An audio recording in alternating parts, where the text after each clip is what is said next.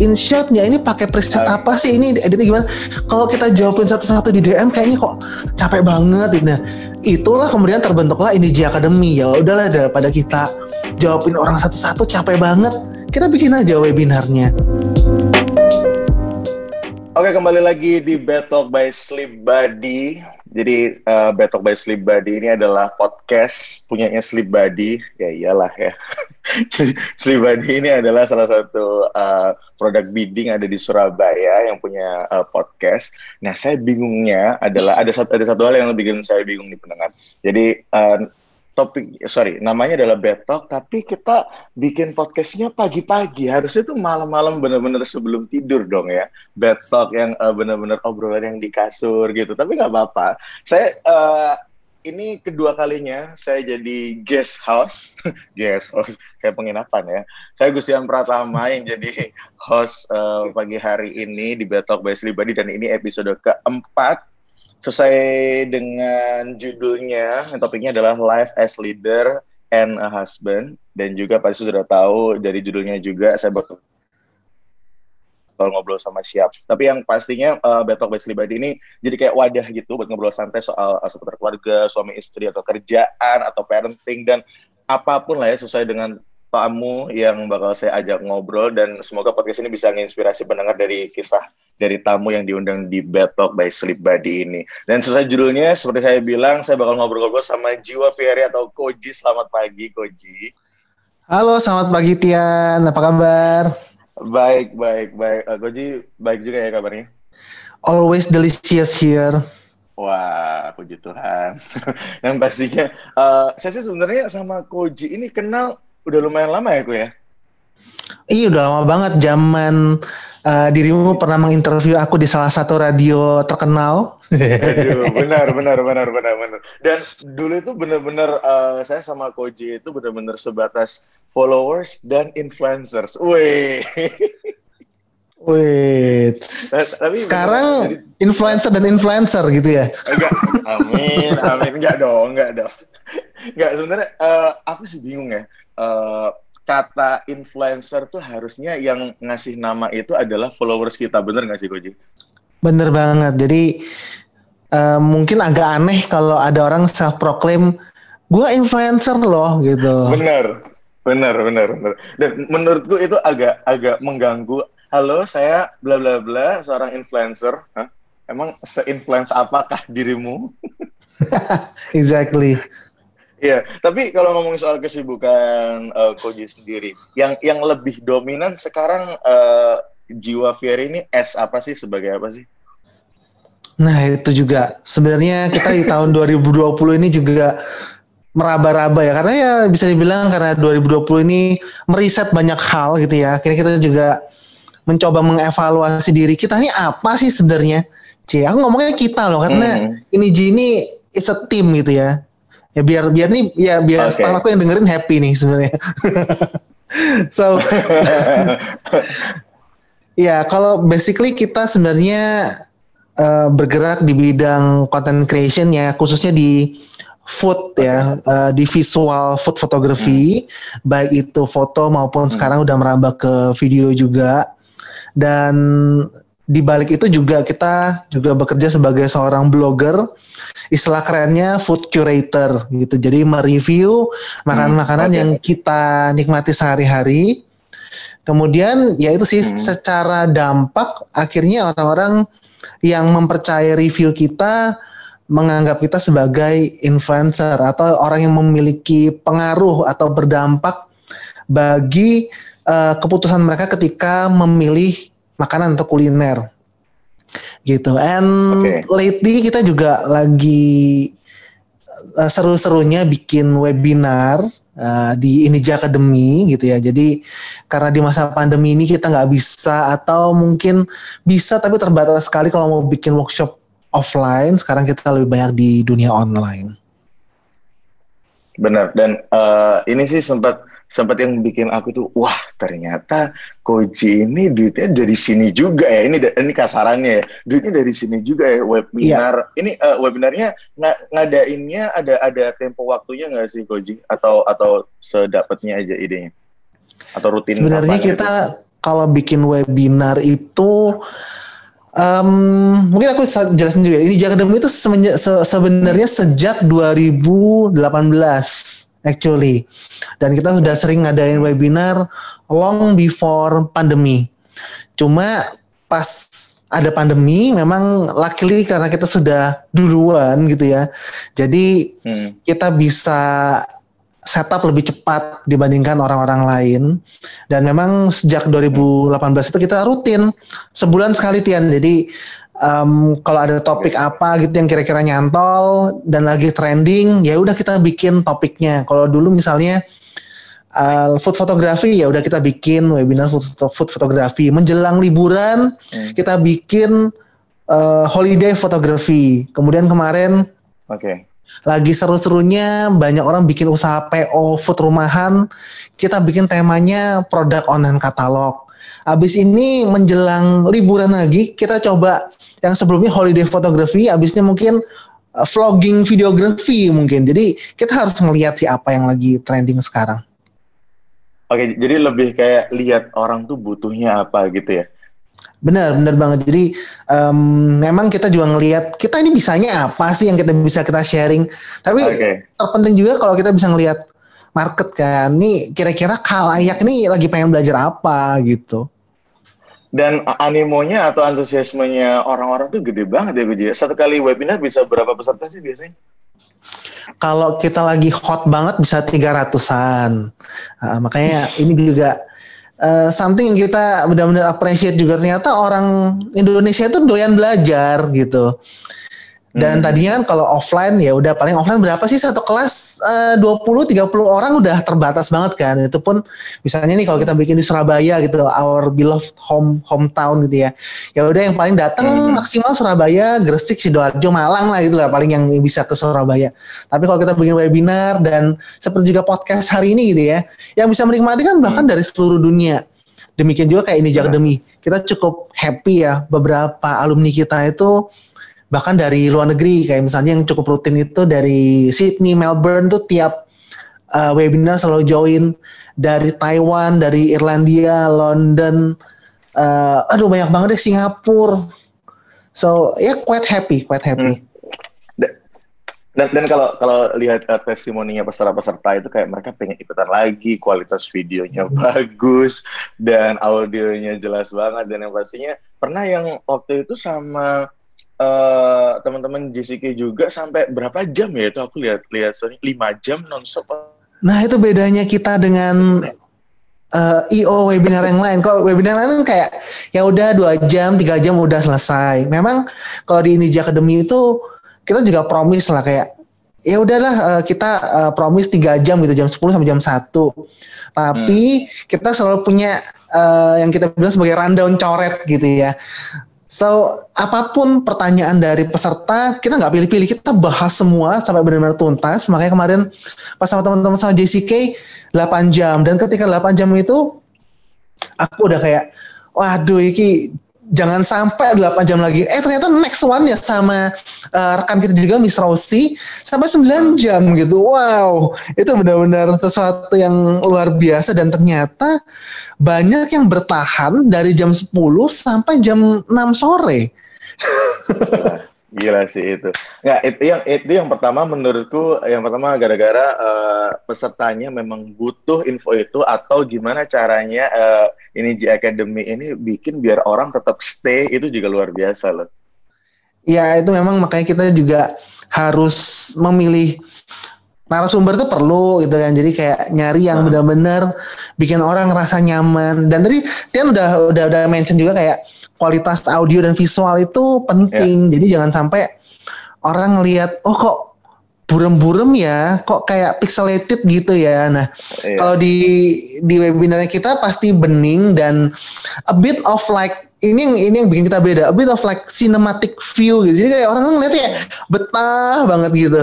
Iya iya iya. Sambil di atas tempat tidur mereka kadang oh delong bangun terus mereka cuma pesan-pesan ojol sampai selesai mereka ngikutin terus.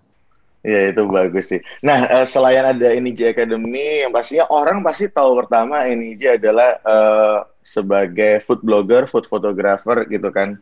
Dan ya. yang yang lagi sering banget di posting Koji adalah traveling, bener ya gue ya? Iya bener banget. Kayak kayak 2020 ini kayaknya ke Bali udah empat kali ya di masa pandemi gini udah empat kali. iya, aduh kok tahu sih jadi jadi malu. Eh, tapi emang emang uh, Instagramnya ini ini bisa jadi salah satu one stop information. Ya kak kalau ada orang bilang one stop shopping uh, service gitu kan kalau ini one stop information jadi mau makanan ada mau traveling ada. Jadi bahkan teman-teman saya kalau mau ke Bali pasti nyuruhnya lihat aja instagramnya uh, ini Ji. Itu pasti tahu infonya mau harus harus ngapain aja. Ini bener nih serius loh. Itu emang uh, emang bener-bener luar biasa. Kayak ke Bali terakhir gimana sih kok kondisi Bali atau di pandemi ini? Gimana? Susah nggak sih traveling Uh, Bali lately ya kita juga inilah yang merasa punya sedikit uh, tanggung jawab juga sebagai konten kreator untuk bisa ya bantuin lah teman-teman yang yang di dunia aku gitu kan di dunia aku kan yang hmm. yang yang di food and travel gitu loh ya memang di di sektor-sektor lain juga pasti butuh butuh bantuan juga, butuh sentuhan juga. Cuma we do what we can do. Ya udah kalau di Bali karena banyak bersentuhan dengan food dan juga hospitality kan kayak restoran, hotel, ya udah hmm. kita ke sana. Um, by the way, disclaimer, most of the time saya di Bali itu bekerja sebenarnya. Jadi okay. teman-teman lihat saya lagi happy happy gitu ya. ya happy sih emang cuma yeah. sambil bekerja juga tentunya. Saya yeah, di Bali terakhir uh, long weekend wah rame banget ya bener-bener happy sih lihat Bali itu bergairah kembali but let's see ya karena kan orang masih butuh uh, building kepercayaan lagi buat bisa hmm. traveling di masa pandemi ini. Cuma ya ini juga pesan-pesan buat teman-teman yang lagi dengerin hari ini. Uh, kalau mau traveling, aku aku sih bukan orang yang kayak, ayo semua kita harus traveling dong biar memajukan okay. pariwisata lagi bla bla. Tapi ya kalau misalnya kita mau traveling ya monggo, mau di rumah ya monggo. Tapi kalau misalnya kita mau jalan ya harus tetap protokol ketat cuci tangan hmm. sebelum masuk kafe dan uh, I'm quite surprised ya kayak hotel restoran di Bali semua itu protokolnya ketat banget harus cuci tangan dulu pakai masker um, hmm. gitu sih jadi harus take yourself responsibility-nya itu benar-benar full ya jangan sampai kita mencelakakan diri sendiri dan orang lain ketika kita traveling. Um, okay. Oh ini nyambung sedikit tadi soal aku uh, lewat sedikit ya. Jadi uh, tadi Tian bilang soal all in one atau one stop one stop uh, information, information. gitu ya. Jadi memang bisa dibilang sekarang uh, itu balik lagi karena kita di 2020 ini banyak mengevaluasi diri gitu ya. Uh, benar sih kita memang mostly ini itu berkutat di soal um, food and travel. Cuma ternyata makin kemari orang tuh ngelihat ini Ji bukan soal food and travel lagi, uh, tapi lebih ke arah trustnya. Jadi apa pun yang kita review, no matter what, ya memang food and travel utama. Tapi di luar daripada itu yang kita review apa pun, biasanya orang mengandalkan kepercayaan uh, terhadap review kita. Misalnya hmm. kemarin tuh ada kita nge-review soal ini nih kacamata gitu. Eh ternyata ada orang juga uh. yang beli akhirnya beli kacamata transparan kayak gini.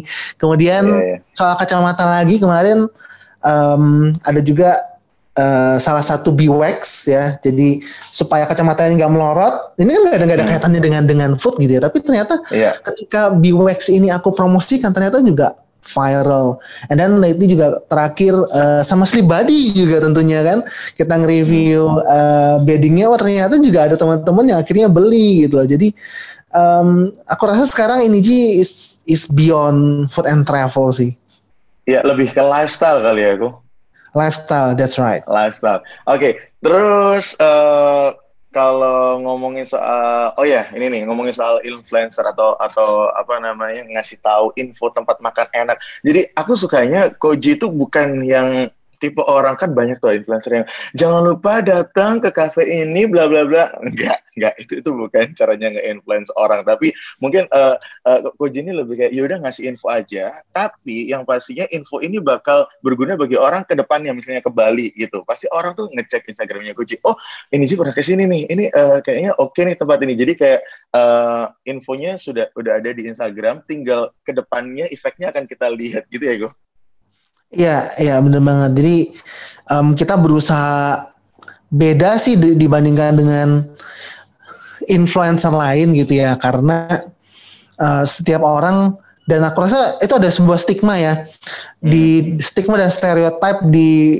di kalangan pelaku sosial media kalau misalnya seorang influencer itu harus ini kesebut juga nih akhirnya harus kelihatan ekstrovert harus wow harus happy terus harus muncul di kamera harus uh, hard selling gitu kan. Uh. I'm trying to be different gitu dan and I'm embracing that. Uh, lebih tepatnya in the late 2018 2019 awal aku sampai mendeklar diriku uh, guys sebenarnya yang kalian lihat itu uh, saya ini sebenarnya introvert loh guys. Jadi uh, karena itulah aku jarang muncul di kamera kadang-kadang muncul. Okay. jika diperlukan. Cuma itulah uh, menurut aku itu ciri khasnya ini Ji. Kita hmm. kalau orang lain mungkin sambil ngomong-ngomong jawab-jawab depan kamera which is nothing wrong with that. Kalau kita lebih ke gaya-gaya sinematik gaya-gaya mini vlog gitu. Oke, nah eh, nggak uh, cuma makanan, nggak cuma traveling, ini deh uh, Koji itu juga nge-influence, uh, sempat rame juga uh, stand buat handphone.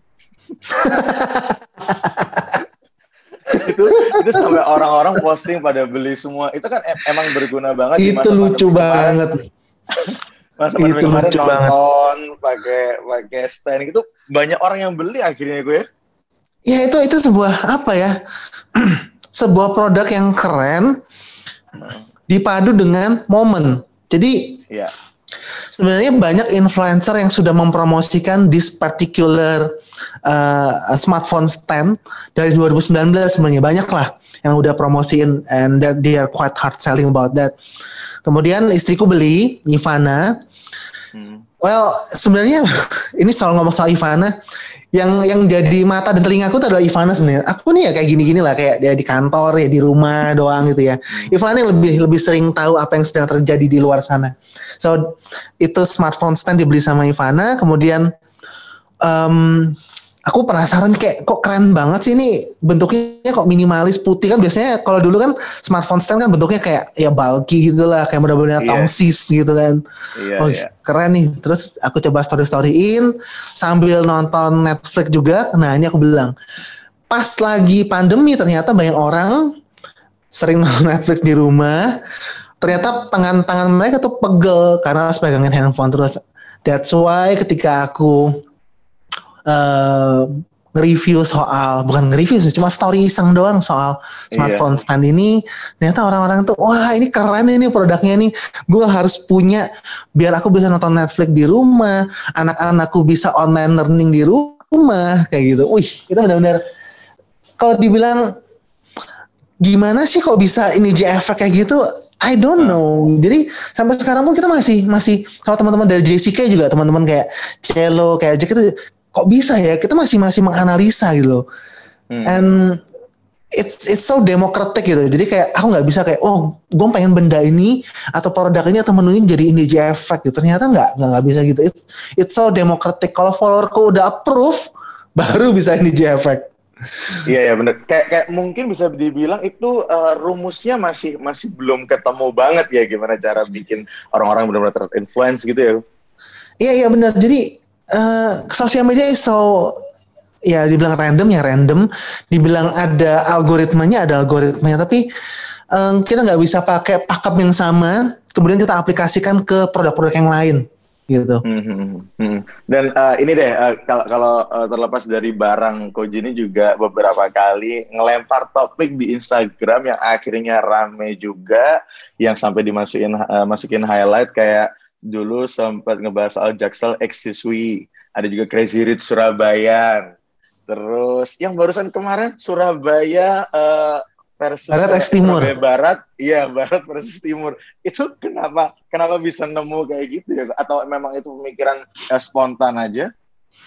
Semua semua itu semua pemikiran spontan. Jadi semuanya benar-benar pure spontan, nggak ada yang scripted. Jadi Hmm.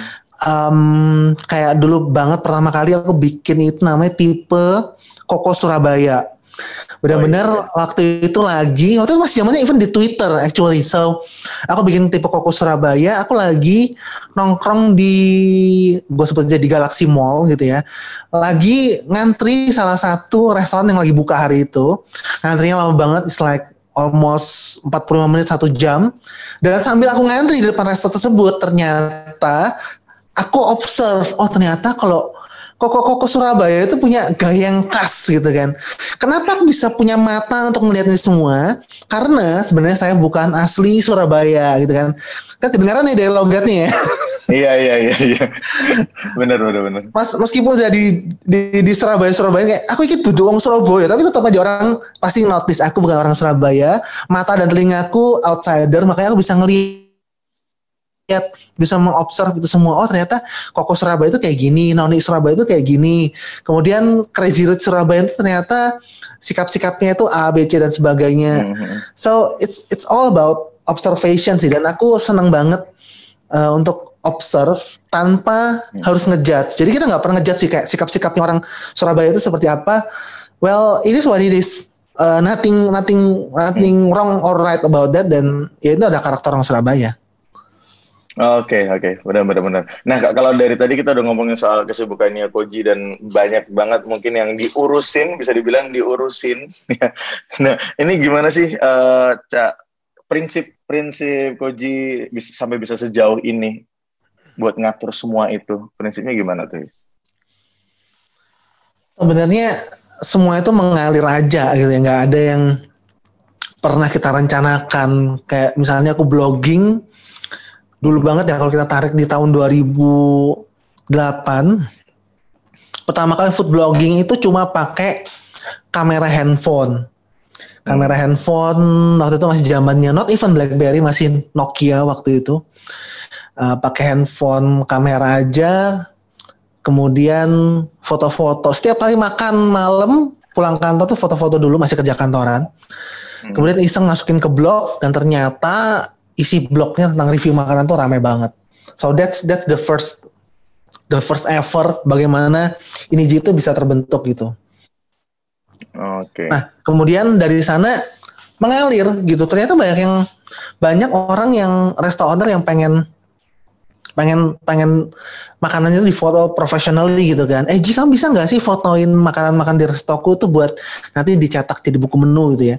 Tadinya sih nggak ada nggak ada keinginan untuk menjadi seorang food photographer gitu. Cuma ya udah akhirnya karena ada request kita coba dari kamera yang masih pocket bahkan kemudian dari DSLR dan sekarang udah mirrorless and even sekarang jadi eh, ex tim juga ex fotografernya Fujifilm itu semua juga karena semua mengalir aja nggak pernah direncanakan kemudian dari dari fotografi kemudian banyak yang minta em, menghandle sosial media gitu kan. Karena sosial media itu butuh content creation berupa visual ya. Udah kita jadi content creator kita mempromosikan makanan dan minumannya klien dan in some cases juga kita menghandle Instagramnya klien.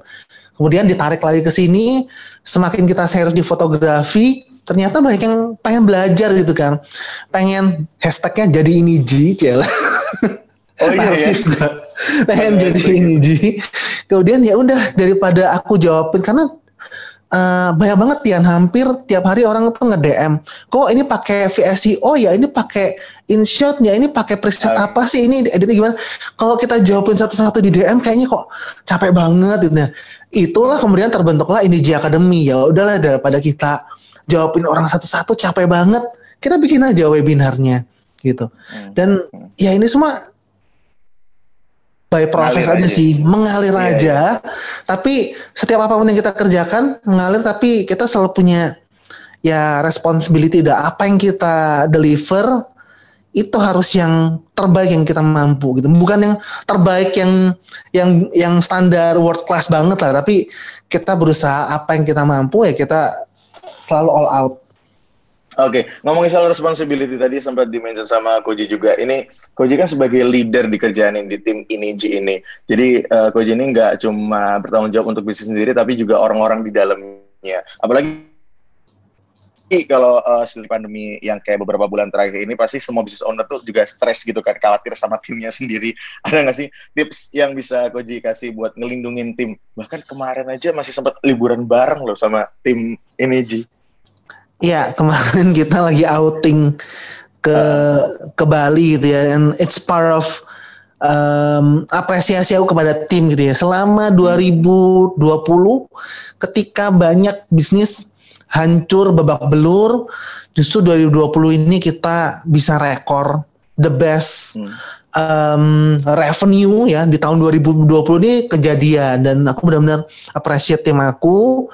Um, tapi memang sebagai seorang leader kita harus punya karakter pemimpin dan karakter pemimpin ini menurut aku setiap institusi, setiap perusahaan, setiap company itu akan punya karakter yang berbeda-beda.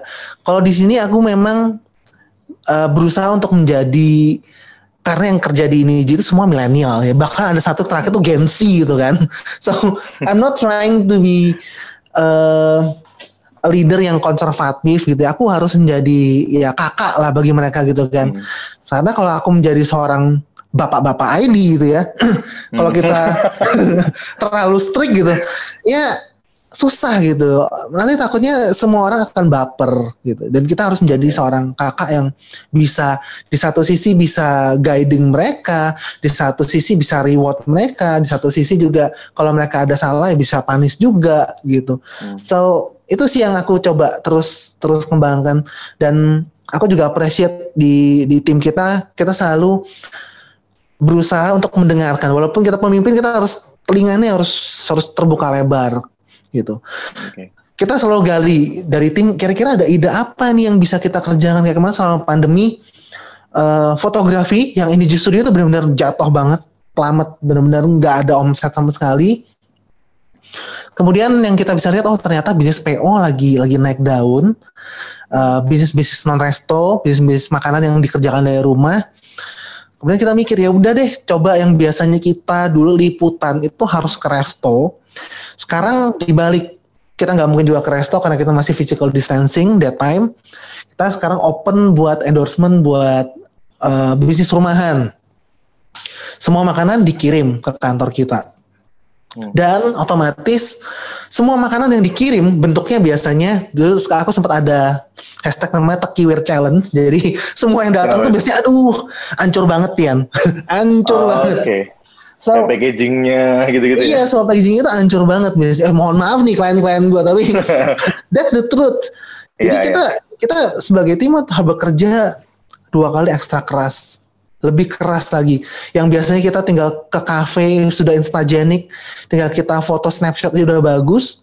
Sekarang kita harus foto itu di kantor dengan peralatan yang seadanya waktu itu ya, um, dengan jam kerja yang uh, karena waktu itu kantor kita benar-benar uh, masa pandemi cuma separuh jam kerja aja gitu. Kita harus bekerja dua kali lebih keras dan uh, di sinilah karakter pemimpin benar-benar diuji bagaimana kita sebagai seorang pemimpin itu bisa angkat moralnya tim hmm. benar-benar oh kita masa pandemi tapi kita harus kerja keras bareng karena apa yang kita kerjakan sekarang ya itu in the end akan balik juga ke kalian.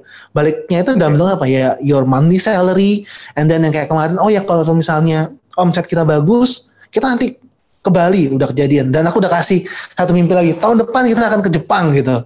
So Wih. semangat gitu kan semuanya. Iya oke okay, oke okay, benar-benar. Dan gini, uh, Koji pernah nggak ada ketakutan karena menurut men menurut aku sendiri sih sebagian besar di perusahaan-perusahaan gede pasti ada gap antara leader atau bos dengan karyawannya. Di mana karyawan itu selalu nganggep bos ini apa sih? Uh, cuma ngomong doang nggak nggak nggak nggak nggak punya uh, apa namanya kayak apa cuma ngatur-ngatur doang. Tapi di sisi lain bosnya pasti bilang karyawan ini kerjanya nggak becus. Ada ada nggak kepikiran kayak gitu? Jadi kayak ya, ada ya. dua pemikiran masing-masing. Pernah nggak ada ketakutan kayak gitu? Ya, dan itu pasti terjadi di mana pun dan hmm. di ini pun juga pernah terjadi gitu kan ya obatnya begitu sebagai pemimpin harus memimpin ya dari depan. Pemimpin itu harus dari depan bukan bukan cuma ngawasin dari belakang gitu karena kita harus menjadi contoh, harus menjadi lokomotif gitu. Hmm. Nah dari lokomotifnya ini yang narik gerbong-gerbong yang di belakang. Kita harus memberikan contoh kayak misalnya kalau di ini Studio misalnya, aku selalu bilang oh kalau misalnya ngedit foto satu project itu cuma dua jam kok butuhnya. Hmm. Pasti semua semua staff ah masa sih kok aku kalau ngeditnya dua hari gitu. Ya aku buktikan, ayo kamu lihat aku sekarang, aku ngeditnya dua jam selesai semua. Oh iya yeah, bener ya, bosku aja bisa dua jam. Ya aku juga harus bisa. Kayak gitu. So kita harus memberikan contoh itu nyata dan gak cuma uh, kasarnya nggak ngelambe doang, nggak ngomong doang gitu. Omdo itu gak akan bisa membuat staff kita respect dengan kita. Oke, luar biasa sih. Jadi memang benar-benar harus harus kerja bareng istilahnya, bukan bener, bukan ada game antara leader, bos dan karyawan gitu ya. Jadi semakin dekat. Iya, iya, benar banget. Sebenarnya hierarki itu ada, tapi cara kita membawakan diri itu yang membuat tim kita itu menjadi solid. Oke, luar biasa sih. Ini mungkin uh, buat business owner ataupun sebagai karyawan yang mungkin dengerin ini juga. Jadi bisa bisa apa ya uh, di, diambil baiknya gitu kan diaplikasikan yang baik mungkin bisa bikin suasana kantor tuh lebih menyenangkan juga karena dekat dengan bos atau dengan dekat dengan karyawannya masing-masing kayak gitu. Oke, okay, uh, selain jadi leader di kerjaan, Koji ini pasti juga punya peran sebagai kepala rumah tangga yang pastinya uh, uh, Koji dan Cevana ini punya anjing yang lucu akan jadi influencer juga kayaknya. Lagi disekolahin. di sekolahnya juga. Nah kemarin sempat ada yang posting juga ini G Effect sampai akhirnya salah satu followersnya Koji beli anjing yang mirip dengan siapa namanya Cap Cappy. Cappy, yes. Cappy, lucu banget sih itu. Anjing aja udah bisa nge-influence orang loh ini. Gimana gimana, gimana cara Koji ini nge-manage uh, prioritas hidup karena kan urusannya banyak. Mungkin bisa diurutin nggak kayak dari pasangan, kerjaan, hobi, keluarga, teman itu mana dulu nih? Ya, kalau menurut aku nomor satu harus dengan keluarga kita dulu gitu kan keluarga inti kita dulu. Aku nggak ngomong pasangan aku nggak ngomong nggak ngomong anak anak dalam hal ini in my case is my anak bulu gitu kan. Mm, ya yeah, yeah, nomor satu ya family dulu family number one. Karena ya apa pun yang terjadi dalam diri kita yang pasti pertama kali kena impactnya adalah diri kita sendiri dan keluarga kita gitu. Dan yang bisa nolong kita ketika kita terpuruk yang paling keadaan paling buruk sekalipun ya nomor satu ya keluarga kita gitu. Hmm. ya pasangan hidup kita terutama. Ya kalau misalnya di tempat pekerjaan ya ya mohon maaf gitu ya. Ya memang sifat kekeluargaan tuh ada tapi kan ada batasnya. So number one it should be your family. Karena kita juga spending waktu paling banyak dengan family kita uh, ikatan dan bondingnya pasti juga paling kuat gitu. Kedua, kalau buat saya um, darah dan daging saya sendiri adalah um, ini di studio is my baby. Okay. Kemudian terakhir baru itu adalah diri kita sendiri sebenarnya. Jadi diri kita sendiri itu apa? Hobi, senang-senang itu yang ketiga. Okay. Um, seninya adalah gimana caranya ketiga ini bisa jalan bareng gitu kan. Makanya yeah. makanya aku milih pekerjaan yang aku juga hobi. Kemudian pasangan yang juga support dengan hobi aku. Oke oke, benar benar benar. Dan aku bahkan barusan ini mau tanya kan hobinya aku. Jadi sebenarnya apa sih? Ya pasti kan ya foto-foto, traveling, ya kan? Ya kalau hobi sebenarnya passion aku adalah um, passionnya adalah foto-foto dan traveling benar. Hmm. Tapi kalau misalnya dibilang uh, hobi ya, hobi yang benar-benar just for fun, uh, aku lebih prefer hobi itu yang yang mungkin at the moment ya aku prefer hobi yang enggak gak ada kaitannya dengan pekerjaan. Kalau hmm. sekarang aku lagi seneng kopi gitu kan, makanya di rumah ya udah kita invest coffee machine dan okay. Ivana juga seneng banget dengan kopi ya pagi-pagi brewing kopi dulu feels good baru ke kantor. Iya ya itu bagus sih pulang mungkin di rumah sudah ada sudah punya hobinya sambil pulang kerja itu ngopi itu kayaknya nyaman banget gitu ya kayak. Exactly. Oke okay, oke. Okay. Uh, terus kalau misalnya nih kayak uh, Koji ini pernah nggak ngalamin konflik peran antara leader uh, di di bisnis dan sebagai suami gitu pernah nggak sih ada konflik? Ya, um, itu juga pernah terjadi gitu kan. Jadi um, kita misalnya lagi lagi jalan bareng misalnya kayak di Bali gitu ya. Uh, kemudian di salah satu destinasi kita ternyata saya harus kerja gitu ya. Otomatis itu akan terjadi uh, apa ya mix gitu ya antara ya memang di di Balinya lagi lagi jalan-jalan.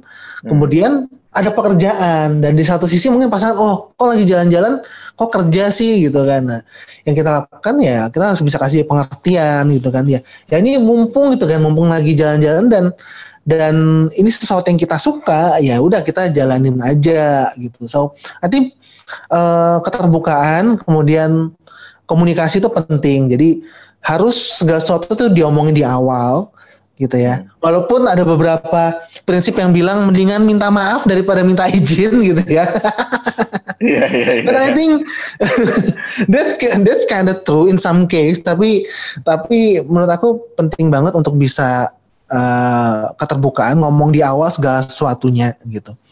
Kemudian um, hal kedua adalah um, harus bisa memisahkan ya, memisahkan antara kepentingan pribadi dengan uh, pekerjaan. Jadi okay. kalau saya misalnya yang paling simple kita kenapa sih orang-orang bingung kenapa sih kalau ini itu punya kantor ngapain aja di kantor gitu kan Hmm. Itu adalah satu cara buat kita untuk bisa memisahkan antara psikologis di rumah dengan pekerjaan gitu. Kalau di rumah ya jam 5 saya pulang ya itu it's all about family gitu. Okay. Kalau di kantor jam 9 sampai jam 5 it, it's about uh, pekerjaan kantor gitu. Jadi memisahkan psikologi itu ngaruh okay. banget sih sebenarnya. Oke, jadi kalau kemungkinan kalau misalnya kantor di rumah juga akhirnya ya tetap harus bisa bagi waktu, cuman takutnya malah malah uh, apa terdistraksi. Nah, friksi itu bisa rumah. terjadi. Oke. Okay. Uh, karena saya dulu pernah pernah banget ngantor di rumah sebenarnya. Jadi sebelum merit lebih tepatnya ngantor di rumah. Um, ternyata maunya kan hemat gitu kan ngantor di rumah kan nggak nggak nggak keluar duit nggak ada uang sewa dan sebagainya cuma ketika kita ngantor di rumah ternyata kepentingan keluarga dengan dengan pekerjaan itu uh, ada chance untuk terjadinya friction gitu. Oke. Okay. Jadi mendingan kita pisah aja profesional. Oke, okay. tapi tapi kalau misalnya nih uh, kayak waktu liburan terus harus kerja dan itu waktu itu ada ada istrinya Koji juga, Jay Ivana. Pernah nggak sih yang yang uh, sampai ada permasalahan sampai uh, benar-benar ngambek terus nggak mood kerja gitu gara-gara ada konflik? Ya, ya, ya, itu pernah sih. Jadi uh, kalau misalnya lagi urusannya full kerjaan, aku biasanya ini uh, tiap karakter pasangan akan berbeda-beda gitu ya.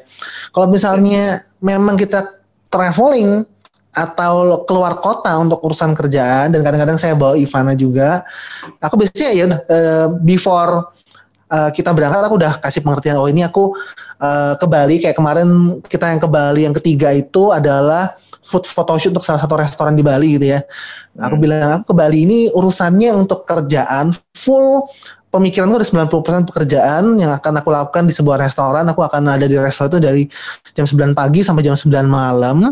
So eh, nggak uh, apa-apa ikut aja uh, bisa jalan-jalan di Bali. So aku sewain mobil, having fun aja cari kafe-kafe cakep di Canggu and I will work there fokus gitu 100%. So harus dibagi sih kayak gitu ya harus diomongin dulu jangan sampai nanti kayak sampai di destinasi itu kok lu kerja terus sih lah emang kerja ini mah iya iya iya iya. Nah ini berarti memang definisi uh, workshop itu benar-benar ada ya Koji ya yes, Papa work, Mama shop ya. Nah itu. Jadi uh, jadi itu pernah jadi uh, pendengar dari Betok ya. Uh, kita kita pernah uh, ya ada talk show gitu, ada ada ada workshop gitu. Koji sebagai uh, narasumbernya, saya itu moderatornya. Itu waktu itu ada ada Ci Ivana juga. Nah Ci Ivana bilang, eh aku mau shop dulu. Oh ini benar-benar workshop ya. Ko Koji benar-benar workshop. Jadi worknya Koji, Ci Ivana shop itu bagus banget sih. Dan itu uh, sebenarnya sebenarnya lagi di mall kalau nggak salah tuh pas tempat yang cocok banget. Iya iya di salah satu mall. Benar iya, iya benar. Tapi emang okay. uh, eh, kalau hmm? kalau uh, aku memang basically kalau misalnya lagi kerja aku pengennya kalau fokus ya fokus kerjaan and after that kalau udah selesai kayak workshopnya atau apanya gitu ya udah yuk kita ngedate bareng gitu aku lagi webinar gitu ya aku udah minta izin dulu sama Ivana Beb aku hari ini webinar ya jam 9 sampai jam 5 sore tapi tenang aja ntar habis webinar kita ngedate ya. Ya istilah kita naracap. Kalau orang Malang kan dibalik-balik itu naracap itu pacaran. Nah, nanti kita naracap ya.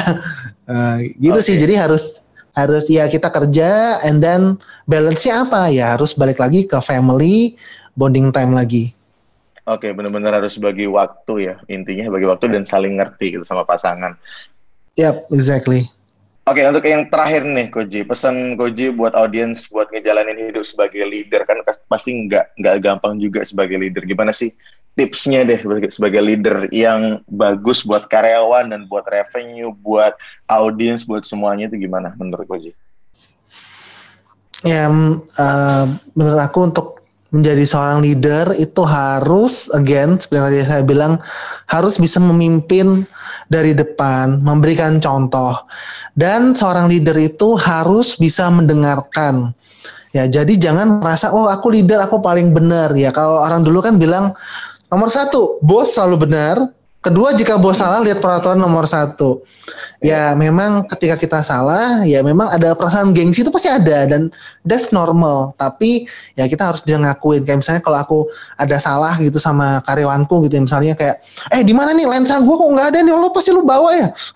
Enggak kok bos itu lo ada di lemari. Oh iya, sorry lo ya, sorry lo gitu. Jadi harus harus bisa uh, kalau kita memang ada kesalahan, ya kita harus mengakui kesalahan kita tapi however uh, sebagai seorang leader balik lagi harus bisa memimpin dari depan.